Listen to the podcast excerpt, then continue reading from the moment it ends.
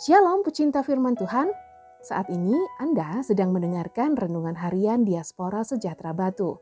Pembacaan Alkitab hari ini dari kitab Bilangan pasal 4 ayat 1 sampai 16. Tuhan berfirman kepada Musa dan Harun, Hitunglah jumlah Bani Kehat sebagai suatu golongan tersendiri di antara Bani Lewi, menurut kaum-kaum yang ada dalam puak mereka.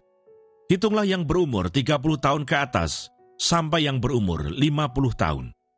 Semua orang yang kena wajib tugas supaya mereka melakukan pekerjaan di kemah pertemuan. Pekerjaan jabatan orang kehat di kemah pertemuan ialah mengurus barang-barang yang maha kudus. Kalau perkemahan akan berangkat, haruslah Harun dan anak-anaknya masuk ke dalam untuk menurunkan tabir penudung dan menudungkannya kepada tabut hukum. Di atasnya mereka harus meletakkan tutup dari kulit lumba-lumba, dan di atasnya lagi, mereka harus membentangkan sehelai kain yang seluruhnya ungu tua. Kemudian mereka harus memasang kayu-kayu pengusung tabut itu. Lagi pula di atas meja roti sajian, mereka harus membentangkan sehelai kain ungu tua, dan di atasnya mereka harus meletakkan pinggan, cawan, piala, dan kendi korban curahan. Juga roti sajian harus tetap ada di atasnya. Di atas semuanya itu, mereka harus membentangkan sehelai kain kirmisi, lalu menudungnya dengan tudung dari kulit lumba-lumba. Kemudian mereka harus memasang kayu-kayu pengusung meja itu.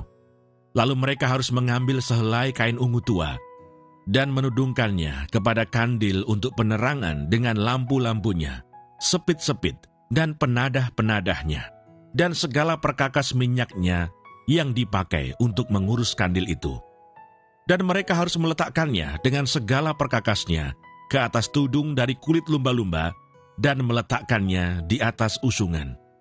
Di atas mesbah dari emas itu, mereka harus membentangkan sehelai kain ungu tua dan menudunginya dengan tudung dari kulit lumba-lumba. Kemudian mereka harus memasang kayu-kayu pengusung mesbah itu. Lalu mereka harus mengambil segala perkakas yang dipakai untuk menyelenggarakan kebaktian di tempat kudus meletakkannya di atas sehelai kain ungu tua, dan menudunginya dengan tudung dari kulit lumba-lumba. Kemudian meletakkannya di atas usungan. Dan mereka harus membersihkan mesbah itu dari abu, lalu membentangkan sehelai kain ungu muda di atasnya. Sesudah itu meletakkan di atasnya segala perkakasnya yang dipakai untuk mengurusnya, yakni perbaraan, garpu, penyodok, bokor penyiraman, segala perkakas mesbah itu. Dan di atasnya, mereka harus membentangkan tutup dari kulit lumba-lumba. Kemudian mereka harus memasang kayu-kayu pengusung mesbah itu. Setelah Harun dan anak-anaknya selesai menudungi barang-barang kudus dan segala perkakas tempat kudus, pada waktu perkemahan akan berangkat, barulah orang kehat boleh masuk ke dalam untuk mengangkat barang-barang itu. Tetapi janganlah mereka kena kepada barang-barang kudus itu, nanti mereka mati. Jadi itulah barang-barang di kemah pertemuan yang harus diangkat Bani Kehat. Tetapi Eleazar, anak Imam Harun bertanggung jawab atas minyak untuk penerangan, ukupan dari wangi-wangian, korban sajian yang tetap, dan minyak urapan. Ia bertanggung jawab atas segenap kemah suci dan segala isinya, yakni barang-barang kudus dan perabotannya. Ayat Mas hari ini dari kita bilangan pasal 4 ayat 16. Tetapi Eleazar, anak Imam Harun, bertanggung jawab atas minyak untuk penerangan, ukupan dari wangi-wangian, korban sajian yang tetap, dan minyak urapan. Ia bertanggung jawab atas segenap kemah suci dan segala isinya, yakni barang-barang kudus dan perabotannya. Bilangan 4 ayat 16. Renungan hari ini berjudul Bertanggung Jawab. Dalam bacaan saat ini, Allah menugaskan orang kehat untuk mengangkat barang-barang yang kudus pada saat mereka harus berjalan menuju tanah kanaan sesuai dengan prosedur yang telah Allah tetapkan. Eliasar, anak Imam Harun, adalah orang yang diberi tanggung jawab sebagai pelaksana. Tanggung jawab yang diberikan kepada Eliasar harus dipahami dengan baik terlebih dahulu supaya Eliasar dapat melakukan dengan tepat seperti yang Allah tetapkan. Tujuannya supaya orang kehat tidak menerima hukuman dari Allah hanya karena adanya kekeliruan dalam melakukan tugasnya.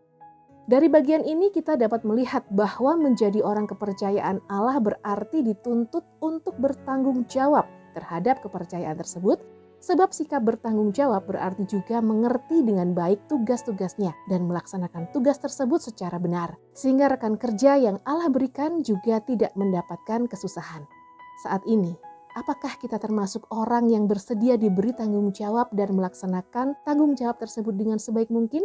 Hendaklah jangan menjadi pribadi yang mau menerima tanggung jawab karena hanya ingin mendapatkan upah. Sedangkan tugas dan tanggung jawab pelaksanaan di lapangan tidak dikerjakan dengan baik sehingga merugikan orang banyak. Pribadi yang berkualitas adalah mereka yang berani menerima tanggung jawab dan mengerjakannya sebaik mungkin untuk kemuliaan Tuhan. Maka Tuhan pastinya akan memperhitungkan apa yang dikerjakan, walaupun di hadapan manusia tidak bernilai. Pada musim dingin, si pemalas tidak membajak. Jikalau ia mencari pada musim menuai, maka tidak ada apa-apa. Amsal 20 ayat 4. Tuhan Yesus memberkati.